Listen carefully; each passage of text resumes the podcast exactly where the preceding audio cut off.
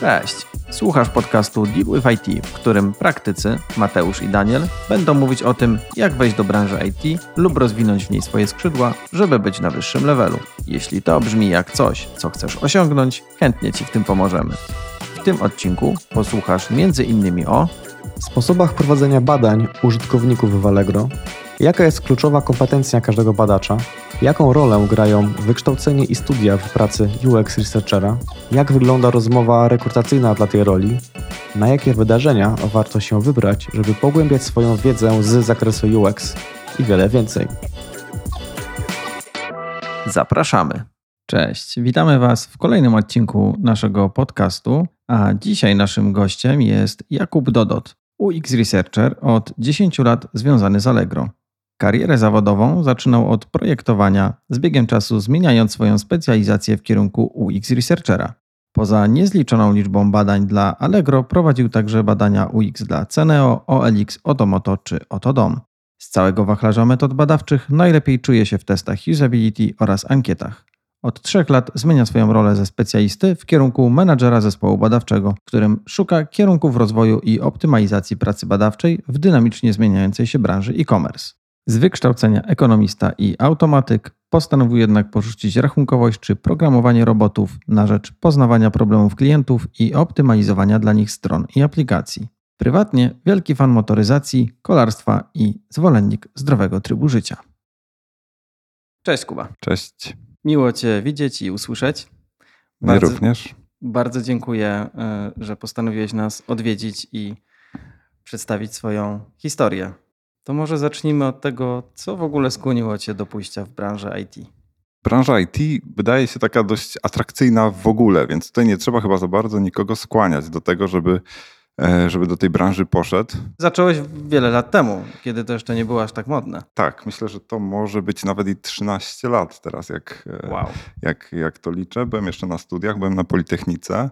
Ja w ogóle zacząłem studiować ekonomię, nawet ją skończyłem, ale, ale w połowie tej ekonomii sobie pomyślałem, że to chyba nie jest dla mnie, a na pewno nie ma tam żadnego fachu, którym mógłbym się, e, w którym mógłbym się specjalizować, więc poszedłem też na, na automatykę na Politechnice. No i tam długo też nie miałem takiego jakiegoś wybranego kierunku, gdzie, gdzie i jak chce się rozwijać. No ale przychodzi taki czas w życiu każdego studenta, że wypadałoby znaleźć pracę. No i zacząłem przeglądać ogłoszenia, które były na stronie Politechniki. Los chciał, żeby było tam ogłoszenie dla ludzi, którzy chcą e, nauczyć się robić badania. Badania, był podany eye tracker, było ogólnie powiedziane o, o badaniach e, usability i tak sobie wtedy pomyślałem, że brzmi to bardzo sensownie. Kiedyś widziałem siebie jako marketingowca, marketing to też badania, to też badania marketingowe. Pomyślałem, że może trochę tą bardziej techniczną część badań, no bo iTracker jest takim bardzo, bardzo technicznym narzędziem, jeżeli chodzi w ogóle o robienie badań. No i tak to się zaczęło. Zaczęło się w firmie Kogiżyn, która zresztą istnieje do teraz, poznańskiej firmie. Tam, tam zacząłem staż i, i tak po, po trochu po, przechodziłem przez trochę przez projektowanie, trochę przez badania, no bo to jako agencja, no to, to robiło się to, co tam było do roboty.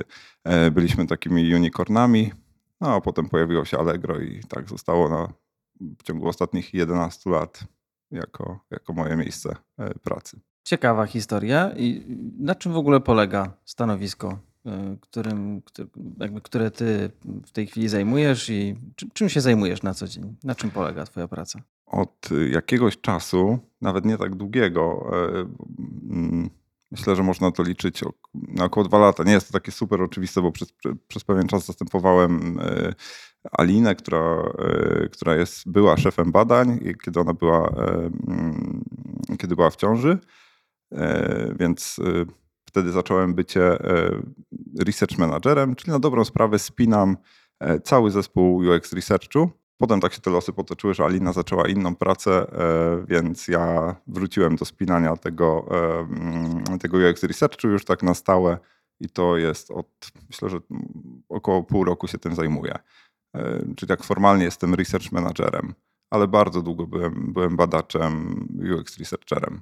Czym różnią się te dwa stanowiska? Zasadniczo się wiele nie różnią, w sensie profesja jest dokładnie ta sama, tylko no menadżer jest, jest osobą, która jest odpowiedzialna za, za to, żeby zespół grał jako całość, żebyśmy mieli wspólne cele, żebyśmy robili rzeczy, które są sensowne. Trzeba na te rzeczy. Mm, ciężko jest niektóre rzeczy zauważyć, jak się pracuje bardzo blisko w jakichś inicjatywach.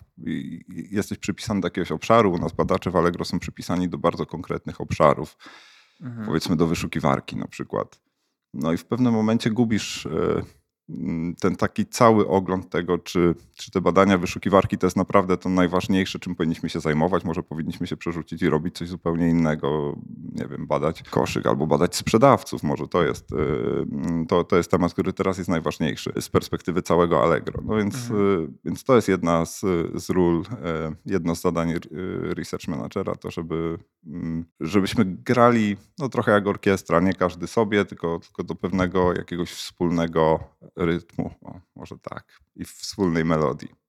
A, a, a do tego mhm. przechodziliśmy przez różne etapy w Allegro i był taki czas, kiedy nie było jednego zespołu badaczy. To jest możliwe, żeby, żeby badaczy, w ogóle UX-ów, UX designerów rozproszyć po całym e, zespole, po całej technologii. No i jest sobie osoba dedykowana w jednym zespole, osoba w drugim zespole i te osoby wcale, ci, ci researcherzy wcale nie muszą ze sobą rozmawiać. I to koniec końców nie jest najlepsze rozwiązanie. E, doszliśmy do tego e, metodą doświadczalną, sami to widzieliśmy. Trudno o standardy, trudno o, o to, żeby ta praca się rozwijała, żebyśmy jakość pracy rozwijali. Każdy w sumie pracuje tak, jak mu się podoba i to, co wtedy zauważyłem, to to, że UX Research ma taką moc, jak silny jest ten jeden indywidualny badacz. Kiedy robimy, kiedy działamy jako zespół, dużo łatwiej jest wyrównać tą jakość, dużo łatwiej jest znaleźć te zależności, gdzie ktoś jest silniejszy w którejś dziedzinie, mhm. ktoś jest słabszy, można ich połączyć ze sobą, można, y, mogą na tym obie strony korzystać. Okej, okay. no a tak już schodząc bardzo nisko poziomowo, to tak fizycznie, to, to, to jak wygląda taki dzień pracy? Ale dzień pracy menadżera researchu czy researchera? Researchera. Okej. Okay. No to to jest pytanie, które często pojawia się na, na, na, rozmowach kwalifikacyjnych, które prowadzę. Mieliśmy y, okres bardzo intensywnego rozrostu zespołu, więc na tych rozmowach wielu byłem i często właśnie pytanie ludzi, którzy, e, którzy aplikowali, to, to, to było, jak wygląda wasz typowy dzień pracy. I zawsze odpowiedź była ta sama, no nie ma jednego typowego dnia pracy researchera. To jest tak, że Researcherzy pracują w takich sprintach. Robią badania i badania mają swój cykl. Trzeba je przygotować, trzeba je przeprowadzić, trzeba je podsumować. No mhm. i to mhm. już definiuje, że ten każdy dzień wygląda inaczej, w zależności od tego, czy właśnie jest na, na którym, na którym etapie jesteś. I, i, I, tak samo to wygląda przy badaniach jakościowych, jak i przy badaniach ilościowych, bo to trzeba sobie rozgraniczyć, że, że badacze i w ogóle badacze w Allegro to osoby, które zajmują się tymi dwiema dziedzinami.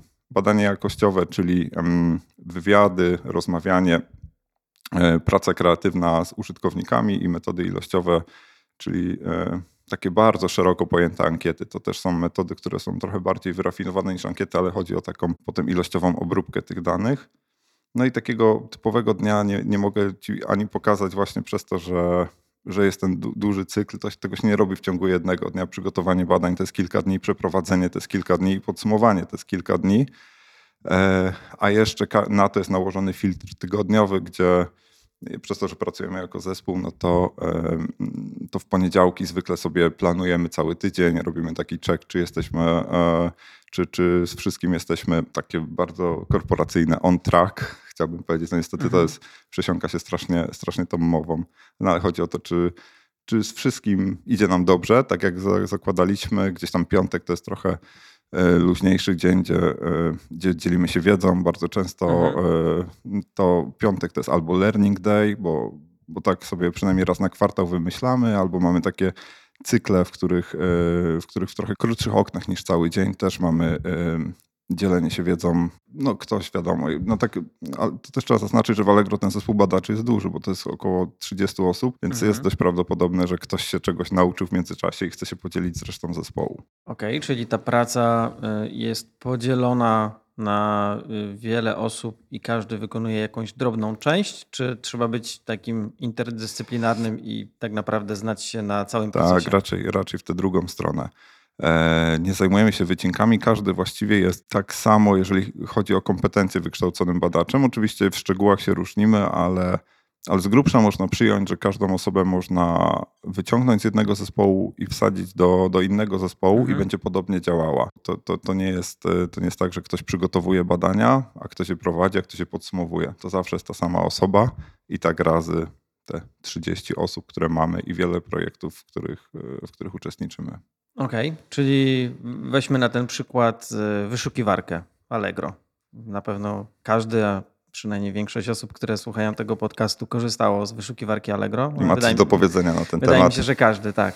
E, o, i teraz y, wyraża swoje niezadowolenie, bo jakby domyślam się, że ciężko jest y, zadowolić wszystkich i każdy myśli, że zrobi lepiej. Natomiast jak wygląda właśnie, jakby mamy wyszukiwarkę, no wy na pewno badacie ruch, y, widzicie jak użytkownicy z niej korzystają, macie wyniki z tej wyszukiwarki i jak wygląda proces badania. Y, W sumie nawet mnie to bardzo ciekawi, jak wygląda proces takiego badania i, na czym on polega i, i, i czy to wystawiacie jakąś tezę, którą później weryfikujecie, czy po prostu sprawdzacie, próbujecie wyciągnąć wnioski? Myślę, że to można podzielić na, e, na, na przynajmniej dwa scenariusze takiego badania. No bo w Mhm. ogóle ciągle dzieje się zbieranie danych o wyszukiwarce. Są zespoły, które właściwie się tylko, zespoły analityczne, które się właściwie tylko tym zajmują, żeby tą wyszukiwarkę testować, żeby zbierać dane, żeby patrzeć na, na metryki, które sobie założyli. Na przykład metrykę tego, jak wysoko jest y, produkt, w który klikasz. Jeżeli wpiszesz jakąś frazę, na przykład wpiszesz,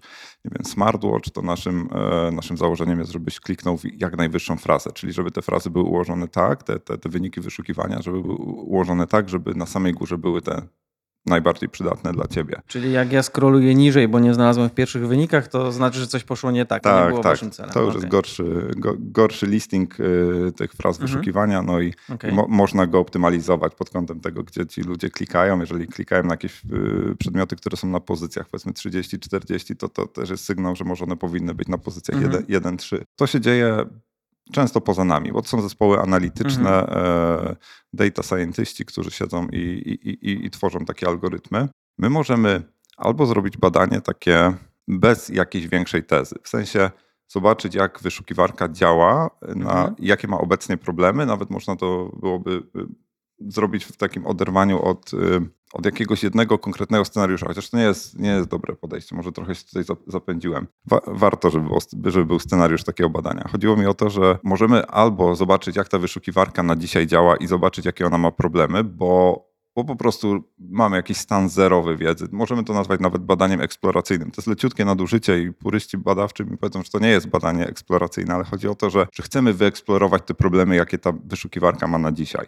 Mhm. I z tego wychodzi jakaś lista problemów, że tutaj, nie wiem, te wyniki są nieczytelne, że reklamy coś tam zasłaniają, że nie ma dostępu do jakichś filtrów, no bo wyszukiwarka też nie działa w taki sposób, że jest tylko ona. No na tej stronie są, nie wiem, jakieś miniaturki, właśnie reklamy, filtry, opcje sortowania, więc, więc zawsze to jest jakiś kontekst y, wokół tych wyników wyszukiwania. Czyli mamy z jednej strony takie badanie eksploracyjne, Mhm. a z drugiej mamy faktycznie już jakieś rozwiązania, które chcemy przetestować. I tak naprawdę chronologicznie najpierw powinno być to pierwsze badanie, a potem od, w odpowiedzi na nie powinny być kolejne testy, gdzie już weryfikujemy jakieś rozwiązania, często wtedy na jakichś środowiskach testowych albo na makietach, gdzie dopiero po, po tej weryfikacji możemy to wdrażać y, na żywo. W sensie, żeby użytkownicy w domach nie zaskoczyli się tym, co, co sobie wymyśliliśmy. Minimalizujemy ryzyko robiąc badania u nas w, w labie badawczym i, i, i tam wyszukujemy problemów i, i tego, na ile te rozwiązania, które sobie wymyśliliśmy i założyliśmy, że w jakiś sposób będą działać, Mhm. Tak naprawdę działają. Okej. I, y, Zapraszacie ludzi z zewnątrz do takich testów? No oczywiście, tak, tak. No to jest. My już dawno, da, dawno doszliśmy do tego, że my nie jesteśmy normalnymi użytkownikami i przez to właściwie chyba każdy, kto jakikolwiek produkt rozwija, powinien przejść, że nie projektuje ani dla siebie, ani dla swojej mamy, tylko projektuje dla tych docelowych użytkowników. I na, na testy trzeba zapraszać ludzi, którzy są jak najbliżsi profilowi tych, tych prawdziwych użytkowników. A jak no i- szukacie tych ludzi? Zwykle y, my mamy akurat ten komfort w Allegro, że Allegro ma mnóstwo użytkowników. Nawet chyba z głowy jestem w stanie podać, że to jest 13 milionów. Wow. Więc na, tak na dobrą sprawę z Allegro korzystają, korzysta na tyle wielu ludzi, że my możemy wybierać wśród użytkowników Allegro grupę do badań i bardzo często to, to robimy. Profilujemy To sobie. są osoby, które przychodzą do was, czy wy im puszczacie jakąś modyfikację i patrzycie, jak to działa? No i, oni tak, i nawet nie tak. Wiedzą. I, Okej. tak i, I tak, i tak. E, najbezpieczniejsze podejście jest jednak takie, żeby najpierw zrobić w kontrolowany sposób, zacząć od testów na małej grupie, czyli u nas zapraszamy użytkowników, którzy pasują do jakiegoś profilu. Oni oczywiście są wynagradzani za to badanie, mają odpowiednią motywację, żeby przyjść, Czyli każdy może dostać zaproszenie, jeżeli jest użytkownikiem Allegro? No pod warunkiem, że ma zgodę na wzięcie udziału w badaniu, to tak, ale sporo, no zdecydowana większość użytkowników ma tą zgodę, więc I po prostu dostajesz maila. dostajesz, Hej, dostajesz cię maila. zaprosić. Tak. Fajnie, okej. E, No i ja nie, nie umiem policzyć, ilu użytkowników wzięło w takich, y, w takich badaniach udział, ale to są set, setko tysiące, bardziej Wow. w tysiące myślę.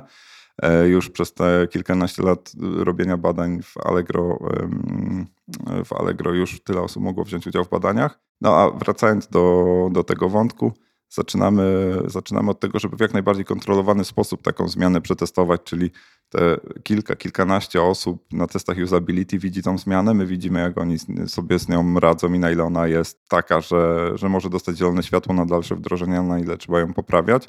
Potem można zrobić coś takiego jak beta testy czy test AB, to jest, to, jest w sumie Mhm. popularniejsze, gdzie wybieramy jakąś próbkę użytkowników, powiedzmy 5%, którzy, którzy dostają nową wersję.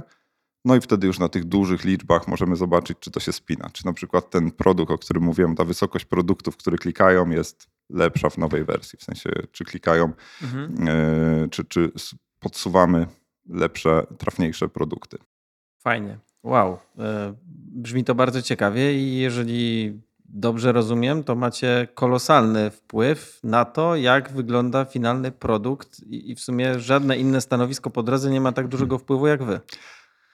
Wiesz co? Na wygląd. my- no, jakby mam na myśli, Mm. nie, nie, no bo Myślę, myślę że wiesz, wiesz jak to jest. Sukces ma wielu ojców, a, a, a porażka jest sierotą, więc tutaj za, zawsze jest tak, że jak jest jakieś wdrożenie, no to jest praca też, yy, praca też grupowa. No, my pracujemy w bardzo ściśle, po pierwsze z analitykami, już ich tutaj wspomniałem, z designerami, którzy, Okej. którzy te interfejsy projektują i całą, całą interakcję przenoszą na formę czy do komputera, czy teraz nawet raczej po prostu Mhm. smartfonu. No, smartfona, bo to też jest tak, że smartfon teraz jest najbardziej popularnym urządzeniem i, i, i tym punktem wejścia do Allegro, żeby nie powiedzieć entry pointem znowu korporacyjnie. No jeszcze oczywiście trochę są te- będziecie projektować okulary, interfejs na E, okulary. no zobaczymy, jak, jak, jak projekty Apple'a e, wyjdą i czy faktycznie to będzie tak, że, że, że okulary to będzie kolejny, kolejne stadium e, interfejsów. Czyli rozważacie to na serio? E, Wiesz co, myślę, że na razie, na razie bardziej w sferze e, anegdot. Myślę, że, że nikt na razie na serio, przynajmniej w takiej perspektywie kilku lat, kilku to znaczy dwóch, trzech, na razie na to, na to nie Okej. patrzymy. Ja myślę, że bardziej e, taką bliższą perspektywą to jest chat, e, chat GPT, który teraz e, no, pokazuje, że mm, taka, zresztą dobrze nawiązuje do wyszukiwarki, o której mówiliśmy, że, że możliwe, że za chwilę nie będziemy wpisywać smartwatch, tylko będziemy rozmawiać z czatem i pytać, jaki smartwatch mi polecisz, który będzie dobrze mierzył kroki i na przykład nie będzie kosztował więcej niż 600 zł. Nie będziesz klikał po filtrach, tylko będziesz rozmawiał z interfejsem. Trochę, trochę też tak, jak się to dzieje, nie wiem, w Decathlonie. Nie wiesz, gdzie Mhm. jest jakaś y, alejka z butami do biegania, podchodzisz do kogoś, mówisz, jakie potrzebujesz i ten, ten ktoś, pracownik sklepu ci pomaga. Więc myślę, że to, to jest taka perspektywa szybsza jednak niż okulary. Mhm. Okej, no brzmi to bardzo ciekawie. Jak już wiemy teraz, na czym polega to stanowisko, jak wygląda praca, to czy mógłbyś podsumować, jakie są takie podstawowe kompetencje, umiejętności e, potrzebne do bycia dobrym badaczem UX, żeby ktoś, kto, bo jakby nasz podcast jest skierowany do osób, które w branży IT jeszcze nie są i są nietechniczne, przynajmniej z założenia, y, i, i, jakby jakie, jakby miał pomyśleć, czy ja się nadaję, czy mam predyspozycję, to czy są jakieś takie, czy są na pewno, jakie są te podstawowe kompetencje, umiejętności, które wskazują, że jest potencjał? Wiesz, jakbyśmy robili ogłoszenia o pracę, teraz pisali Mhm. ogłoszenia o pracę, to pewnie powiedzielibyśmy analityczne myślenie, umiejętność wnioskowania, ale dla mnie chyba najważniejszą kompetencją jest empatia. To, żebyś e, umiał sobie pomyśleć, że użytkownicy mają inaczej niż ty, inaczej mogą rozumieć, inaczej mogą odbierać niektóre rzeczy i żeby podchodzić do tego z otwartą głową.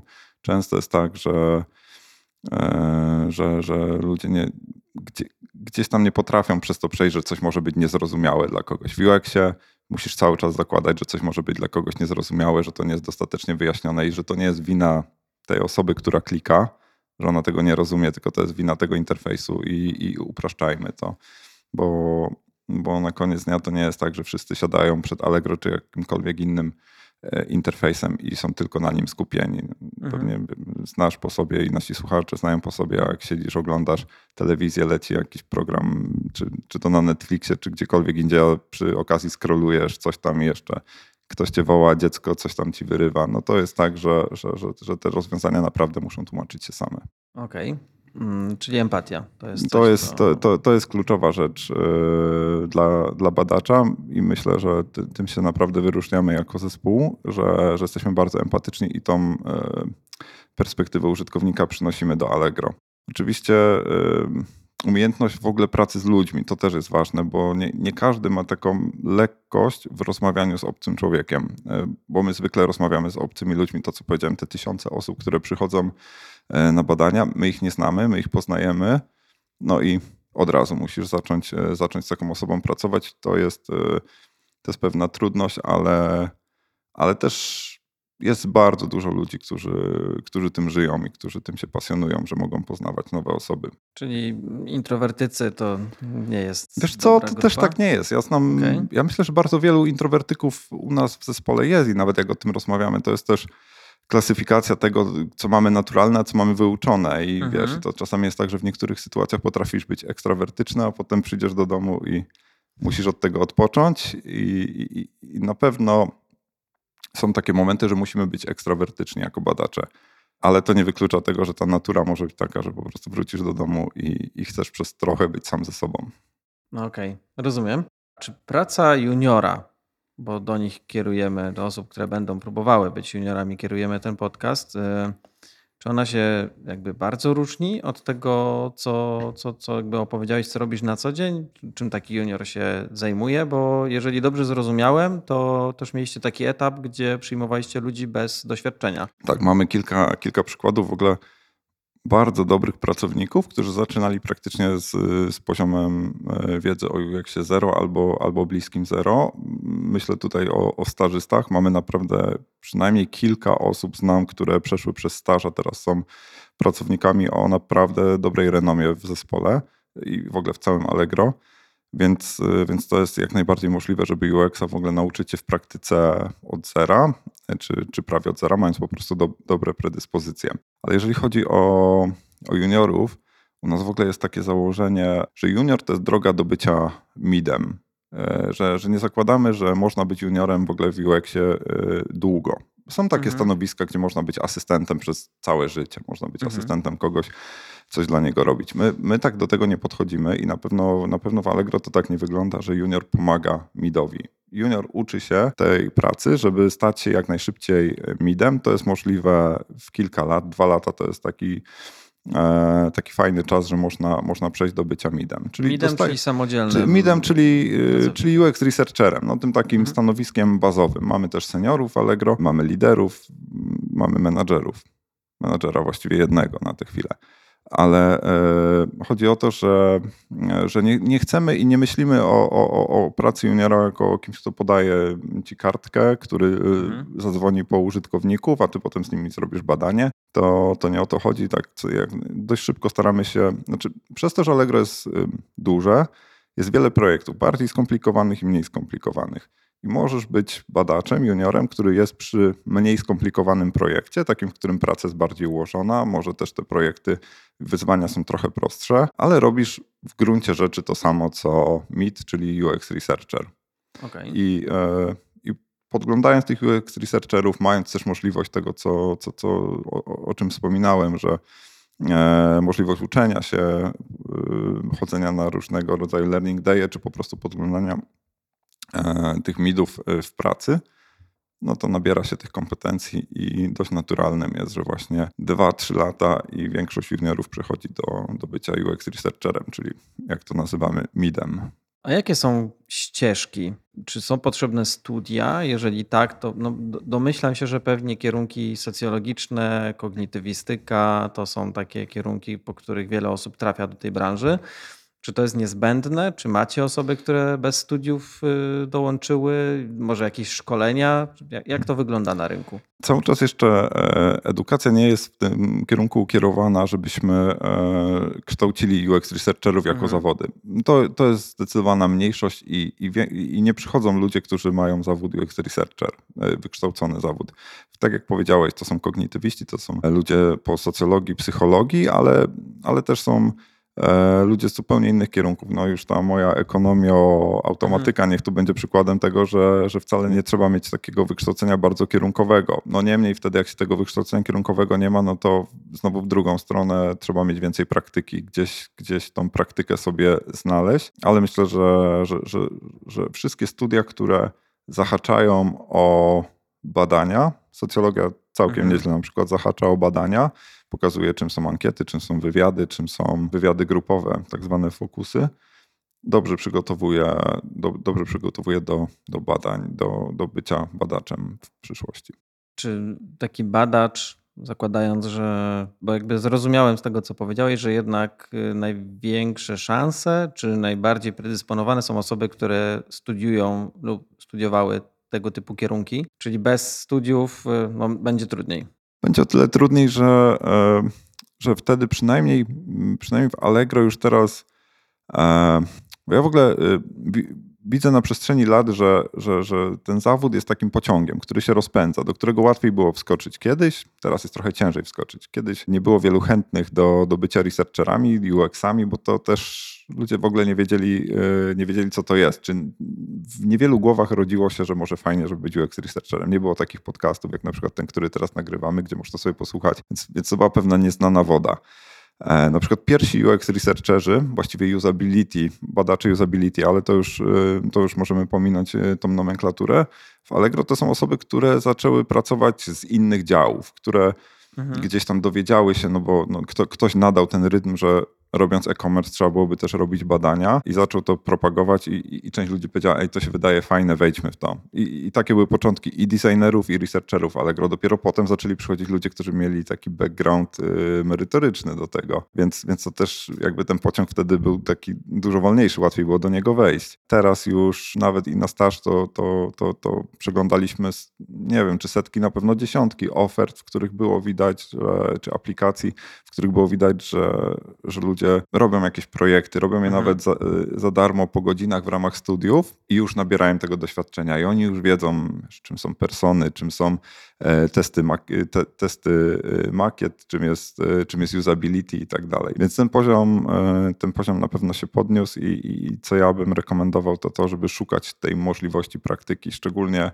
jeszcze w tym etapie na tym etapie życia, gdzie można sobie na to pozwolić, gdzieś po studiach, po pracy, robić jakieś projekty. Nie wiem, czy to w ramach jakiegoś y, projektu studenckiego, czy w ramach jakichś y, non-profit projektów, to, y, to, to też jest częsty kierunek szukania takiego pierwszego doświadczenia, gdzie można zacząć pracować jako UX, nabrać tego doświadczenia, żeby było coś, na czym można się oprzeć w swoim portfolio i zahaczyć, zahaczyć w jakiejś firmie, gdzie to przyspieszy, gdzie te projekty już nie będą po godzinach, a będą, a będą po prostu twoją pracą.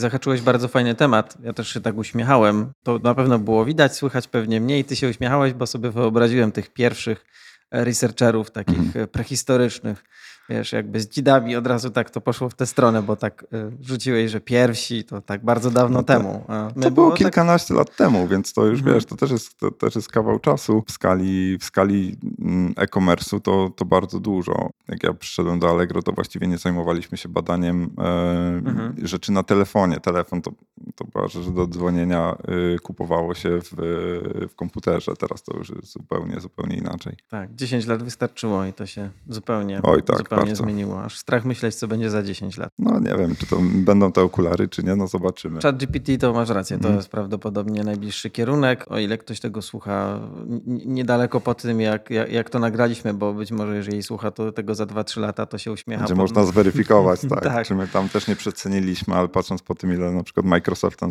zainwestował, to chyba już y, nie tylko my to y, przewidujemy, że to w tę stronę może, e, może pójść. Y, korzystanie z internetu. Zdecydowanie, zgadzam się. Wracając do portfolio, bo zahaczyłeś fajnie ten temat y, i, i, zawsze pytamy naszych gości, jak można przygotować takie portfolio. Trochę to o tym wspomniałeś, mówiąc o projektach non-profit, które można zrealizować. Jak patrzyłeś na portfolia, które tobie prezentowali kandydaci, to co takie portfolia zawierają? Czy jakiś opis w formie case study i makiety? Jak, jak, jak to wygląda? To jest chyba najlepsze podejście, gdzie można jakieś case study przedstawić. Oczywiście Bazując na tym, czym można się podzielić, badania też mają to do siebie, że, że zwykle wynikami nie można się szeroko dzielić i, i, te wyniki, jeżeli są robione na jakieś zamówienie, no to, to, to tak w szczegółach zostają tam, mhm. tam gdzie zostały zamówione, ale, ale w takim ogólnym schemacie można pokazać, jak wyglądał proces badawczy. W, w ogóle bardzo ważne jest, że wśród y, przyjmując badaczy, to to, żeby widzieć, że oni rozumieją, że jest coś takiego jak proces badawczy, że to nie jest, nie wiem, moje robienie ankiety to nie jest robienie tylko ankiety, tylko ono miało mhm. jakiś swój początek, wzięło się skądś i jest jakaś kontynuacja tej roboty. Mhm. To jest bardzo, bardzo dla nas ważne, żeby to podejście procesowe widzieć, żeby ktoś nie był punktowym kontrybutorem, tylko był tym, który widzi zależności, że zrobiliśmy ankietę, bo nie wiedzieliśmy, czym się interesują użytkownicy, jakie mają problemy, a potem z tymi wynikami ankiety, nie wiem, zrobiliśmy jakieś warsztaty, chcieliśmy nawet coś zrobić, nie wiem, klient nie chciał, ale naszym zdaniem to byłoby rekomendowane. To też jest ok, żeby pokazać, bo wiesz, my nie jesteśmy naiwni, zdajemy sobie sprawę, że to też czasami jest tak, że terminy gdzieś tam gonią i nie wszystko da się zrobić według takiego stricte procesu projektowego, jak to jest w książkach opisane, gdzie, mhm. gdzie od eksploracji po weryfikację jest kilka tych etapów, ale pokazanie chociażby tego, że to się bierze pod uwagę i że są jakieś realia, do których trzeba się dostosować, to już jest, to już jest fajna dojrzałość którą, którą można u kandydatów było zaobserwować. Czy można okay. cały czas zaobserwować. Czy są jakieś formaty, w których takie portfolio się szykuje? No case study, ok, możemy to opisać. A jeżeli chodzi o makiety, jakie są takie najpopularniejsze aktualnie narzędzia, w których można w ogóle spróbować tworzyć? E, Na, nasi projektanci projektują w Figmie, ale tutaj od razu też powiem, że u nas jest, to są zupełnie nie, nie, chcę powiedzieć zupełnie inne profesje, ale to design i research to są osobni, mhm. e, osobne specjalizacje, to są osobni ludzie, którzy bardzo blisko ze sobą współpracują, ale nie są, e, nie są tą samą osobą. To jest taki takie początki UX-a to jest ten tak zwany unicorn, który najpierw rysuje makietę, a potem ją bada. I, I to jest podejście, którego my na szczęście w Allegro nawet za tych czasów prehistorycznych nie mieliśmy i od początku mhm. wiedzieliśmy, że inni ludzie powinni badać, a inni ludzie powinni tworzyć te interfejsy i je, je poprawiać. I tak się, e, tak się podzieliliśmy. Niemniej pracujemy bardzo blisko, jesteśmy w jednym, w jednym zespole mm, designerzy i, i researcherzy. Domyślam się, że jeżeli ktoś pracuje przy projektach non-profitowych, no to prawdopodobnie będzie musiał ten proces y, zrobić od początku do końca sam, no bo tam taki podział. Wiesz co, jeżeli jest więcej, no. bo, bo, bo to też jest często tak, że to jest jakaś grupa osób mhm. i, i, i tutaj też y, myślę, że można byłoby już na dzień dobry zacząć się dzielić tymi obowiązkami, bo chociażby bycie introwertykiem, ale już takim, który nie jest w stanie wyjść mhm. poza, e, poza te schematy, no to design jest dużo, dużo, lepszym, e, dużo lepszym miejscem, bo tam jednak tak fizycznie nie spotykasz tego użytkownika. Nie? Mhm. To jest tak, że oczywiście musisz go brać pod uwagę, widzisz go we wnioskach badań, czy obserwując te badania gdzieś tam, będąc za tym lustrem weneckim, czy, czy mhm. na po drugiej stronie Zooma, e, bo teraz też dużo badań jest oczywiście robionych online, ale nie ty jesteś tym gospodarzem, nie ty, nie ty dbasz o to, żeby to badanie się, się odbyło i, i, i żeby też ten użytkownik się czuł e, komfortowo, a on póki ty nie będziesz czuł się komfortowo, to uczestnik badania też nie będzie czuł komfortowo. Dobra, czyli jako UX Researcher tak naprawdę jestem w stanie przygotować opisowe case study i wnioski końcowe i opisać proces. To jest, ale jakby to jest tak, składowa tak, portfolio. Tak, tak, tak. Mhm. Jeżeli jesteś designerem, to oczywiście te wizualizacje byłyby, byłyby ważne. Nie wiem, chyba nie odpowiedziałem na to pytanie, jaki program Figma w Allegro to jest ten program, którego, którego używamy. Wcześniej to był Exure, ale on gdzieś tam długo już były rozmowy o tym, że byłoby trzeba z Exure'a wyjść i i, i, i, od jakiegoś czasu y, wszyscy projektanci korzystają z Figmy, więc jakby ktoś chciał być designerem i zastanawiał się, jakie narzędzie jest teraz na topie, to to to. Chociaż tak jak mówię, to, to jest profesja pokrewna, ale nie ta, którą ja się zajmuję. Jeśli chodzi o, o, o, portfolio, to jest dla mnie w miarę jasne. Trochę wracając do punktu wcześniej, który omawialiśmy a propos studiów, zakładając, że ktoś jednak tych studiów nie ma, ale bardzo mu się ten e, kierunek podoba, czy jakby są w ogóle w tej branży jakieś bootcampy, tak jak mm. dla mhm. programistów i czy to ma co, sens? Jest, jest w ogóle dużo Jest w ogóle dużo eventów, w których można wziąć udział, płatnych, niepłatnych, to, to, to, to zależy, ale no są, są grupy, w których można śledzić e, to, co się dzieje. Dzieje się w różnych miastach, czy to w Poznaniu, w Warszawie, w Trójmieście. No raczej UX jest profesją dużych miast, to też trzeba, mhm. to, to, też trzeba sobie powiedzieć. W tych, w tych wszystkich małych miasteczkach tam będzie na pewno dużo ciężej spotkać ludzi, którzy też się, też się tym interesują, ale ja wielokrotnie, czy to jako uczestnik, czy też jako, jako prowadzący brałem udział w różnego rodzaju eventach. No i jest tego sporo na mapie Polski. Myślę, że tutaj e, zahaczenie się i pokazanie też w CV swojej aktywności na, na, na zasadzie uczestniczę,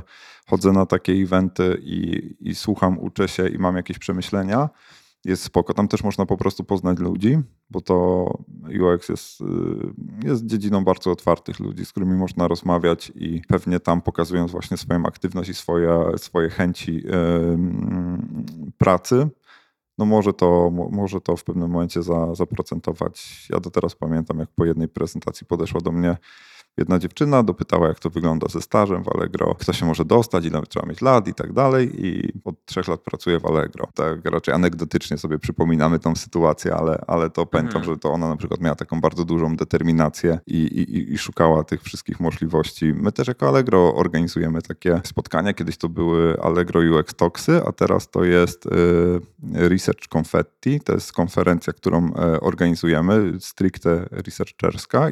W tym roku będzie trzecia edycja. To jest darmowy event, który można zawsze oglądać na Zoomie, a dla limitowanej e, liczby osób można, można też taką wyjściówkę zwykle wylosować, bo znaczy, to nie jest stricte losowanie, ale dość krótko mhm. są otwarte zapisy z tego, że, z tego faktu, że jest dużo chętnych. Więc pierwszą edycję mieliśmy zupełnie na Zoomie.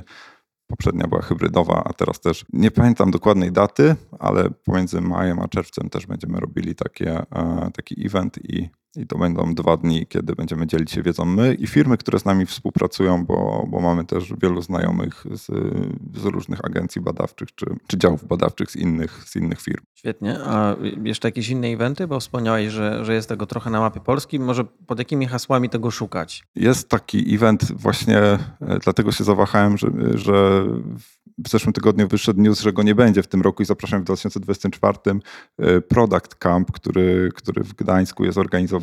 Jest coś takiego jak WOOD e, World Usability Days, w skrócie WOOD e, przez otwarte, Trójmiasto, Poznań i, i, i tak dalej. To, to takie pierwsze, które mi przychodzą do głowy. Oczywiście jest UX Poland, to jest już konferencja, która, która trochę więcej kosztuje, ale no, jest też solidnie merytoryczna i, i jest tam i dzień konferencji, i dzień warsztatów, więc pod tym kątem też na pewno, na pewno mogę, mogę to polecić.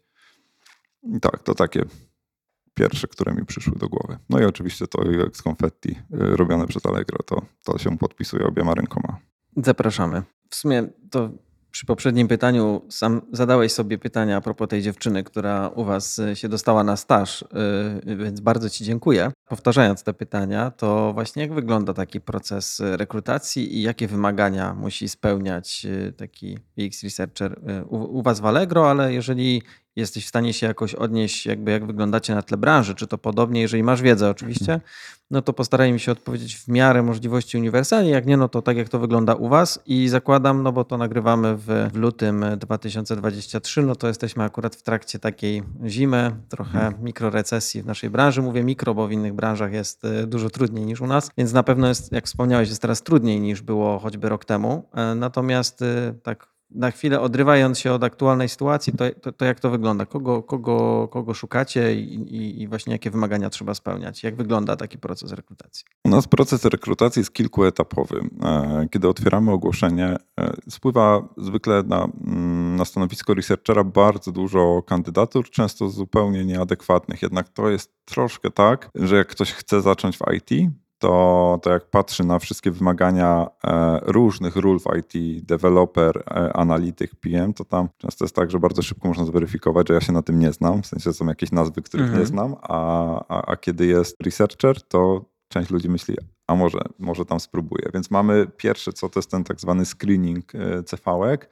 No i tam właśnie szukamy tego, żeby ktoś miał chociaż jakieś doświadczenie. No optymalnie to też w zależności od tego, na jaką rolę szukamy, bo czasem jest tak, że wystarczy, że, że zatrudnimy juniora, to jest oczywiście dużo prostsze. Czasami chcemy mieć kogoś, kto jest tym tak zwanym midem, czyli już ma doświadczenie, jest UX researcherem, a czasem wręcz szukamy seniorów, więc oczywiście wtedy ten screening CV się różni i od ludzi, którzy wystarczy, że gdzieś kiedyś brali udział w jakimś stażu, po oczywiście ludzi z kilkuletnim doświadczeniem w tym CV e, muszą się pojawić. No, ale Przyjmijmy tych juniorów bez doświadczenia albo z doświadczeniem niekomercyjnym. To jest, e, to oczywiście dużo, dużo łatwiej jest takich ludzi znaleźć, bo jest ich więcej. Mhm. Po jednak tym warunkiem, tak będąc zupełnie szczerym, warunkiem koniecznym jest to, żeby jakiś, e, jakieś doświadczenie nam się znalazło, żeby to nie było czyste CV na zasadzie byłem na socjologii i tyle, albo byłem na socjologii i nie wiem, pracowałem przez wakacje na lotnisku w Grecji, nie? no to nie jest już teraz wystarczające. To jest tak, że poza,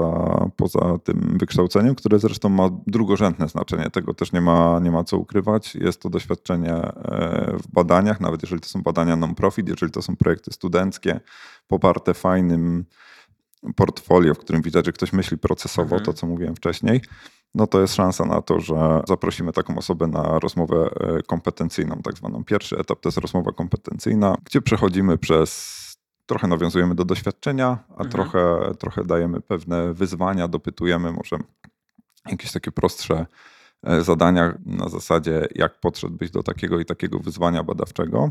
Tego można się spodziewać na takiej rozmowie kompetencyjnej. Można też spodziewać Możesz się. zdradzić przykład? Jakby konkretne pytanie, jakbyś podszedł? Mhm. Na przykład, jakbyś. E, wyobraź sobie, że pracujesz w jakiejś firmie, która mierzy się tam z pewnym wyzwaniem. No nie mhm. wiem, powiedzmy, produkuje takie mikrofony, jak my tutaj mamy. No i pojawia się case tego, że chcemy wprowadzić model numer 2.0 takiego mikrofonu. No i od czego byś zaczął, co byś zaproponował, słysząc taką inicjatywę ty jako researcher? E, no i wiadomo, fajnie byłoby powiedzieć, że to ja spotkam się z ludźmi, którzy używają tych mikrofonów, naszymi obecnymi klientami, może popodglądam ich w pracy, zobaczę no, takie mhm. kwiatki, jak na przykład tutaj próbowałeś tak. statyw z czegoś zrobić, wiesz. I, i, I może wersja 2.0 będzie już miała w sobie wbudowany taki statyw. Więc to są tego typu wyzwania, w których można zweryfikować, czy ktoś właśnie potrafi tak mhm. zaproponować, mhm. jak tą perspektywę użytkownika wprowadzić w proces y, developmentu produktu, czy to fizycznego, czy, czy takiego online'owego. No oczywiście też można się spodziewać pytań o to, jak poprawnie wykorzystywać metody, czyli na przykład mm, jak prowadzi się testy usability, ile osób powinno się zaprosić i na ile one powinny być ustrukturyzowane, więc, więc takie pytania też, też mogą się pojawić. Po przejściu tego etapu, e, pozytywnym przejściu, mamy zadania. Wysyłamy zadanie, na które kandydat ma tydzień na wypełnienie. Jest to też właśnie coś na zasadzie odegrania pewnej yy, scenki już bardziej z życia Allegro. My mamy mhm. takie cases z Allegro, które kiedyś już przechodziliśmy. Wiemy na przykład, że to było umiarkowanie trudne lub bardzo trudne, no bo to też te zadania się różnią w zależności od tego, na jakie stanowisko szukamy. No i po takim zadaniu yy, yy, kandydat wysyłając nam rozwiązane to zadanie, jeżeli to zadanie jest, yy, ono jest sprawdzane, jeżeli wyjdzie na to, że, że jest ok, że jest fajne, mhm. to, to spotykamy się na trzecim etapie, gdzie częścią jest obrona tego zadania, czyli prezentacja i, i pytania, na tym spotkaniu już jest twój przyszły przełożony, jest też ktoś z HR-ów i no jest też część HR-owa, no bo to też w korporacjach oczywiście musi być zaopiekowane. Więc tych etapów, jak widzisz, jest kilka, no ale e, myślę, że to też nam się fajnie sprawdziło, bo zatrudniliśmy w takim procesie naprawdę wielu badaczy, z których jesteśmy zadowoleni. Ten, ten zespół naprawdę fajnie się układa. Super. Bardzo dziękuję. E, myślę, że przybliżyłeś e, bardzo dokładnie, jak wygląda ten proces i zahaczyłeś taki jeden punkt, e, w którym wspomniałeś o metodach. Jakie są takie najpopularniejsze? O jednym wspomniałeś, ale, ale to bardziej w tej pracy waszej researchera, narzędzia i metody, które wykorzystujecie, albo które w ogóle są wykorzystywane w badaniach UX i, i, i jak je stosować w praktyce? Na pewno bardzo ważnym i bardzo popularnym narzędziem są testy usability, czyli badania interfejsów których użytkownicy na, e, realizują jakiś scenariusz, który my z góry założyliśmy, mhm. na pewnym interfejsie, który jest zaprojektowany. I Czyli na przykład makiecie. Może to być makieta, Mhm. może to być działający serwis, w zależności od tego, na jakim jesteśmy etapie. I wyszukujemy tych błędów użyteczności, czyli takich dziur w drodze, w które wpadli użytkownicy, i które wiemy, że będzie trzeba załatać. Drugą bardzo popularną metodą, którą też e, często wykorzystujemy, to są ankiety. Mamy możliwość e, wyświetlania ankiet właściwie w każdym miejscu i w każdym kontekście Allegro. Czyli na przykład, jeżeli Mhm. chcemy się dowiedzieć, dlaczego użytkownicy korzystają z obserwowanych albo z koszyka, dlaczego niektóre przedmioty leżą w koszyku długo i użytkownicy ich nie, nie kupują, to nie jest dobre, to nie jest dobre wyzwanie na testy usability. Tutaj lepiej jest po prostu komuś, kto taki przedmiot ma długo wyświetlony, Mhm. zapytać go, no tam leży ten przedmiot, dlaczego ty go jeszcze nie kupiłeś? Oczywiście parafrazuję, Mhm, bo to, mhm. to pytanie musi brzmieć trochę inaczej, ale, ale z takich metod też, też korzystamy i, i, i właśnie w wielu miejscach Allegro można się natknąć na jakąś wyjeżdżającą ankietę, w której dopytujemy o to, na ile albo jesteś zadowolony z tego miejsca, albo właśnie co tutaj robisz, co dla ciebie jest ważne. I to też są dobre insighty do tego, żeby potem to, te miejsca poprawiać. Fajnie. A, I narzędzia? No, wspomniałeś o e, Figmie. Tak, tutaj e, je- jeżeli chodzi o narzędzia do, do ankiet, tego jest mnóstwo. My korzystamy z narzędzia, które nazywa się Medalia i ono nie jest chyba bardzo popularne. Na pewno jest bardzo drogie.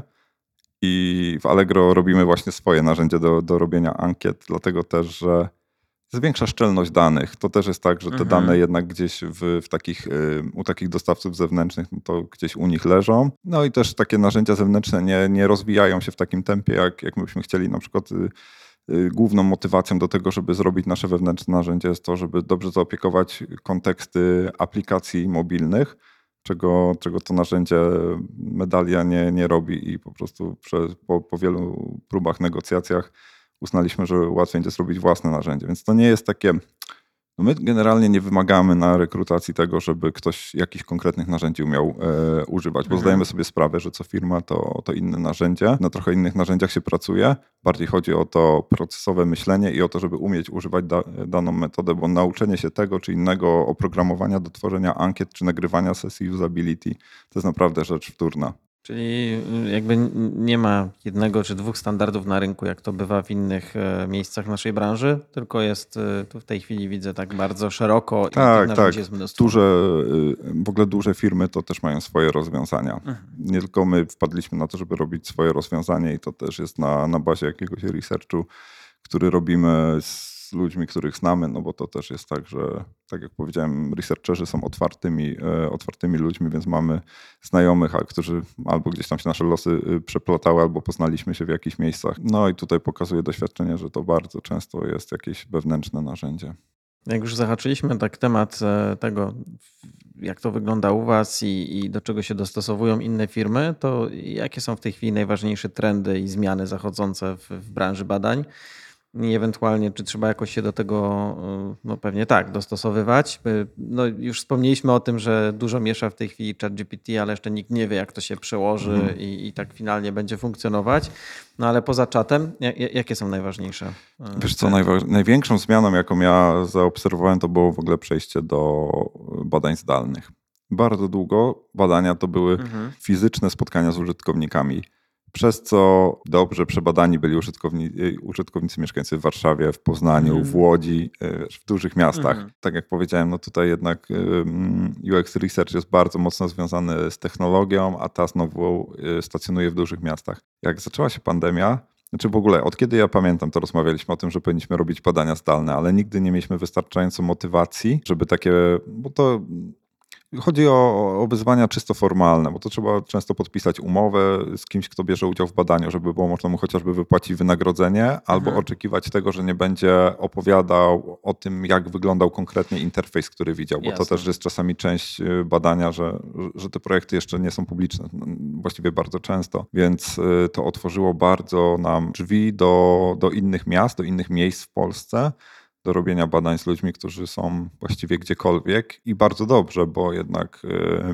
społeczność z dużych miast jest trochę inna, trochę ma inne oczekiwania, wiesz, na przykład jak chcesz w Poznaniu kupić struny do gitary, to wyjdziesz tutaj i za chwilę znajdziesz sklep, w którym możesz kupić struny do gitary, jeżeli Mhm. jesteś z, nie wiem, z wrześni na przykład, no to prawdopodobnie tam nie ma sklepu ze strunami do gitary, więc Allegro jest już dla ciebie trochę inną opcją, co innego bierzesz pod uwagę przez to, że właśnie możesz mhm. robić zakupy w e-commerce. Ale też widzę taki trend tego, żeby analiza badań była coraz prostsza. Coraz więcej jest narzędzi, które starają się wizualizować trudne metody e, ilościowe. Na przykład bardzo skomplikowaną metodą robienia badań ankietowych jest Conjoint, który dość długo był piastowany przez takie duże agencje badawcze, które mają specjalistów od statystyki. Teraz widzę trend powstawania narzędzi, które za ciebie liczą, analizują dane w bardzo skomplikowanych ankietach. Więc myślę, że, że w tę stronę e, to też może zmierzać, że bardziej będziemy się interesować tym, jak zrobić badanie, kiedy je zrobić i co zrobić z wnioskami, a ta sama praca od tych surowych danych, gdzie ktoś coś naklikał w ankiecie do, do wyników, będzie robiona przez narzędzia i bardzo dobrze. AI może tutaj sporo namieszać. Tak, tak. Myślę, że to właśnie jest kwestia rozwoju AI i, i, i, szeroko pojętych algorytmów, które coraz więcej są w stanie policzyć i nie muszą to być ludzie, którzy gdzieś tam w przysłowiowej piwnicy klikają te dane. Jakbyś miał tak posnuć trochę jakieś koncepcje na przyszłość, to myślę, że jakby AI może zniszczyć dużą część etatów w tym zawodzie w najbliższych latach? Czy... Wiesz co, myślałem o tym i mam nadzieję, że nie. Mam nadzieję, że nie, bo chociażby, że o tym czacie, o którym rozmawialiśmy, on sam siebie też nie nauczy, jak użytkownicy y, zaczynają mhm. z nim korzystać. To też, muszą, e, to też muszą być ludzie, którzy będą patrzeć, jak inni ludzie, do czego mają, do czego mają tego czatu używać. I mam nadzieję właśnie, myśląc o, o, o naszej profesji, że ona jest tak bardzo związana z relacjami ludzkimi, z tym, że człowiek e, tworzy coś dla innego człowieka, pod spodem jest technologia, mhm. ale, ale na koniec e, z jednej i z drugiej strony odbiorcami są ludzie, i, i, I, mam nadzieję, że tutaj nie jest to wizja na najbliższe lata, że, że nas zastąpią automaty. Myślę, że, że większa jest pokusa, żeby development, kodowanie było coraz łatwiejsze i coraz bardziej automatyzowane. Na przykład myślę, że w tę stronę to też jest dużo większa rzesza ludzi i potrzeb, żeby, mhm. żeby to też się finansowo opłacało, żeby, żeby tworzyć sztuczną inteligencję, która po prostu od tych pomysłów które jedni tworzą, do gotowego rozwiązania opiekowała to, ten, ten proces. Jasne, tu się zgadzam. Z Danielem szykujemy też odcinek a propos sztucznej inteligencji, tego jak ona może wpłynąć na te zawody w branży IT, bo te nas najbardziej interesują i, i, i jakby na ten moment wysuwamy taką tezę po przeczytaniu bardzo wielu źródeł i materiałów, że w najbliższych latach no i teraz ciężko stwierdzić, co to mhm. znaczy, czy to jest 5 czy 15 lat, ale myślę, że to jest ten przedział. No to może się okazać, że paradoksalnie tej pracy będzie jeszcze więcej, e, mhm. może być wyższy próg wejścia. Tak, że... wiesz co, ja sobie myślę, że to nie jest tak, że to będą wypierane zawody, tylko będzie więcej projektów realizowanych. Myślę, że to może w tę mhm. stronę iść, bo, bo to też jest tak, że my w Allegro mamy mnóstwo pomysłów i dużo mniej zasobów, którymi możemy to realizować. Jakbyśmy, A te narzędzia mogą tak, wam pomóc i mogą wszystko przyspieszy jeszcze mhm. bardziej, co jakby ciężko sobie dzisiaj uświadomić, że kiedy wszystko tak szybko się dzieje, że może być jeszcze szybciej, ale pewnie może. Ale wiesz co, też myślę, że będzie łatwiej tworzyć projekty, które potem się szybko porzuca, bo, mhm. bo to jest pewien problem, gdzie wiesz, w takim agile'owym świecie mówi się o tym, że, że szybko testujmy, ale e, jak szybko testujemy i ten projekt nie żre, to mhm. zawsze jest, wiesz, zawsze jest żal, żeby go odrzucić, jeżeli pod spodem stoi praca ludzi. Jeżeli to była praca okay. maszyn, to było można powiedzieć, nie, dobra, tutaj w tym kierunku nie idziemy, lecimy dalej. Będzie łatwiej po prostu testować kolejne, kolejne yy, kierunki rozwoju. To zabrzmiało optymistycznie. Tak, no ja nie wiem, trudno mi określić, czy jestem optymistą, czy pesymistą, ale bywam optymistą. Okej, okay. zbliżamy się do końca i, jeszcze takie dwa pytania y, przed, przed finalnym. Y, język angielski.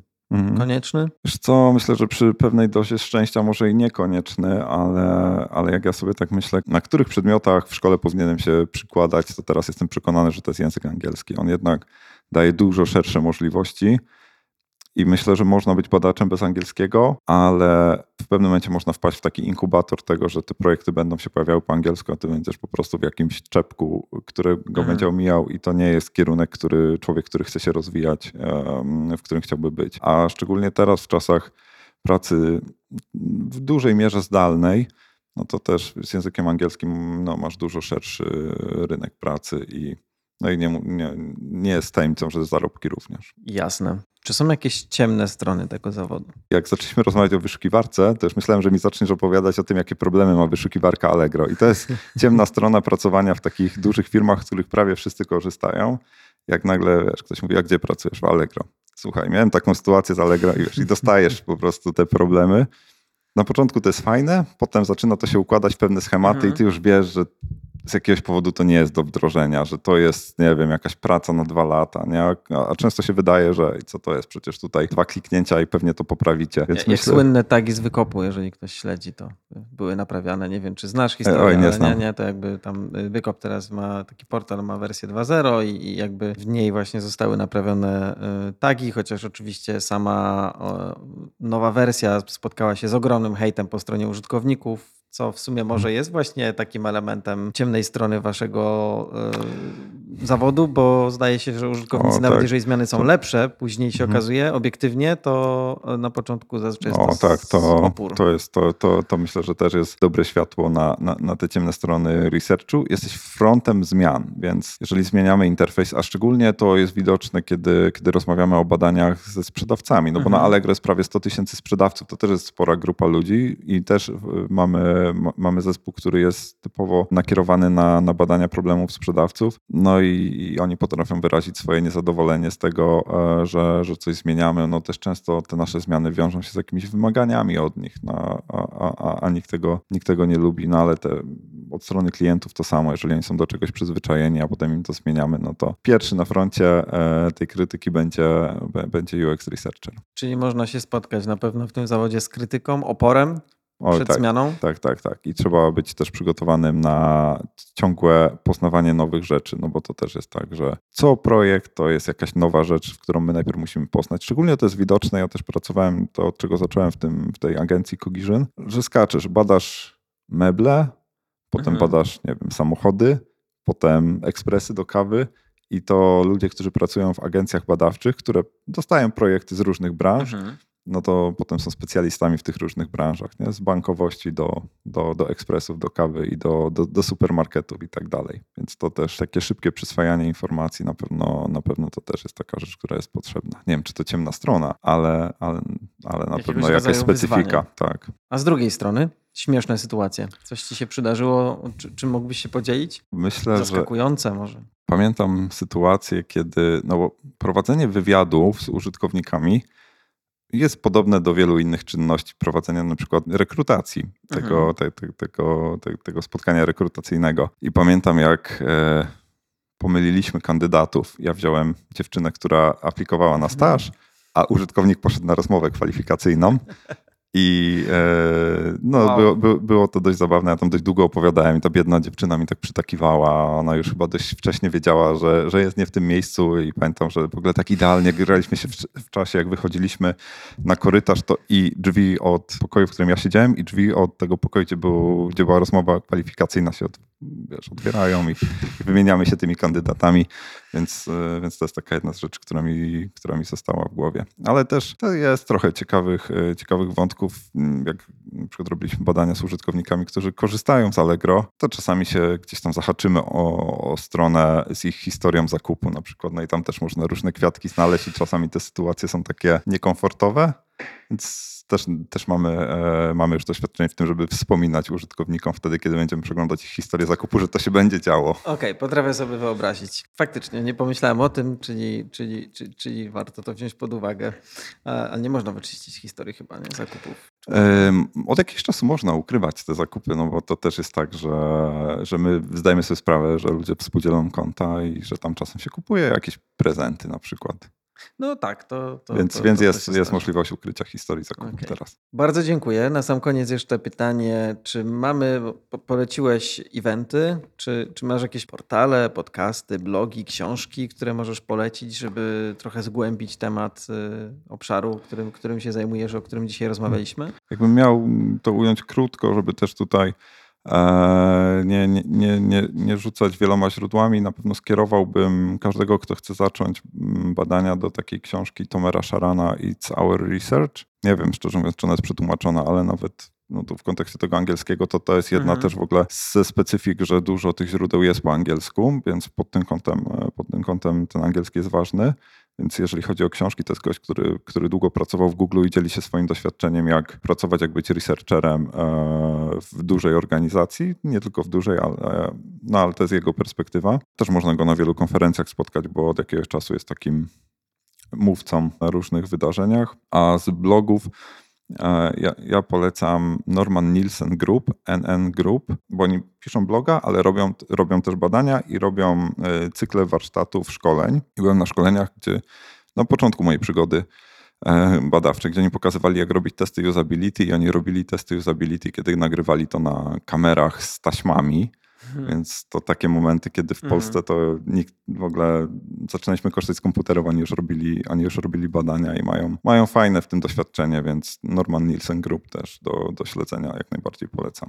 Bardzo dziękuję. No i dziękuję też za Twój udział w wywiadzie, podzielenie się wiedzą. Ogrom wiedzy. Myślę, że rozmawialiśmy ponad godzinę, także będzie to chyba najdłuższy odcinek. Myślę, A- że tak, ale scenariusz też nie był krótki, lista pytań, więc Ale bardzo ciekawie opowiadałeś, także wielkie dzięki za podzielenie się tą wiedzą, za, za trochę uchylenie rąbka tajemnicy, jak, jak wygląda ta praca w Allegro, jak, jak wyglądają te wszystkie e, mechanizmy i, i na czym polega Twoja praca. Także wielkie, wielkie dzięki. E, Miło było porozmawiać. No i co, powodzenia i do usłyszenia. również dziękuję i do usłyszenia.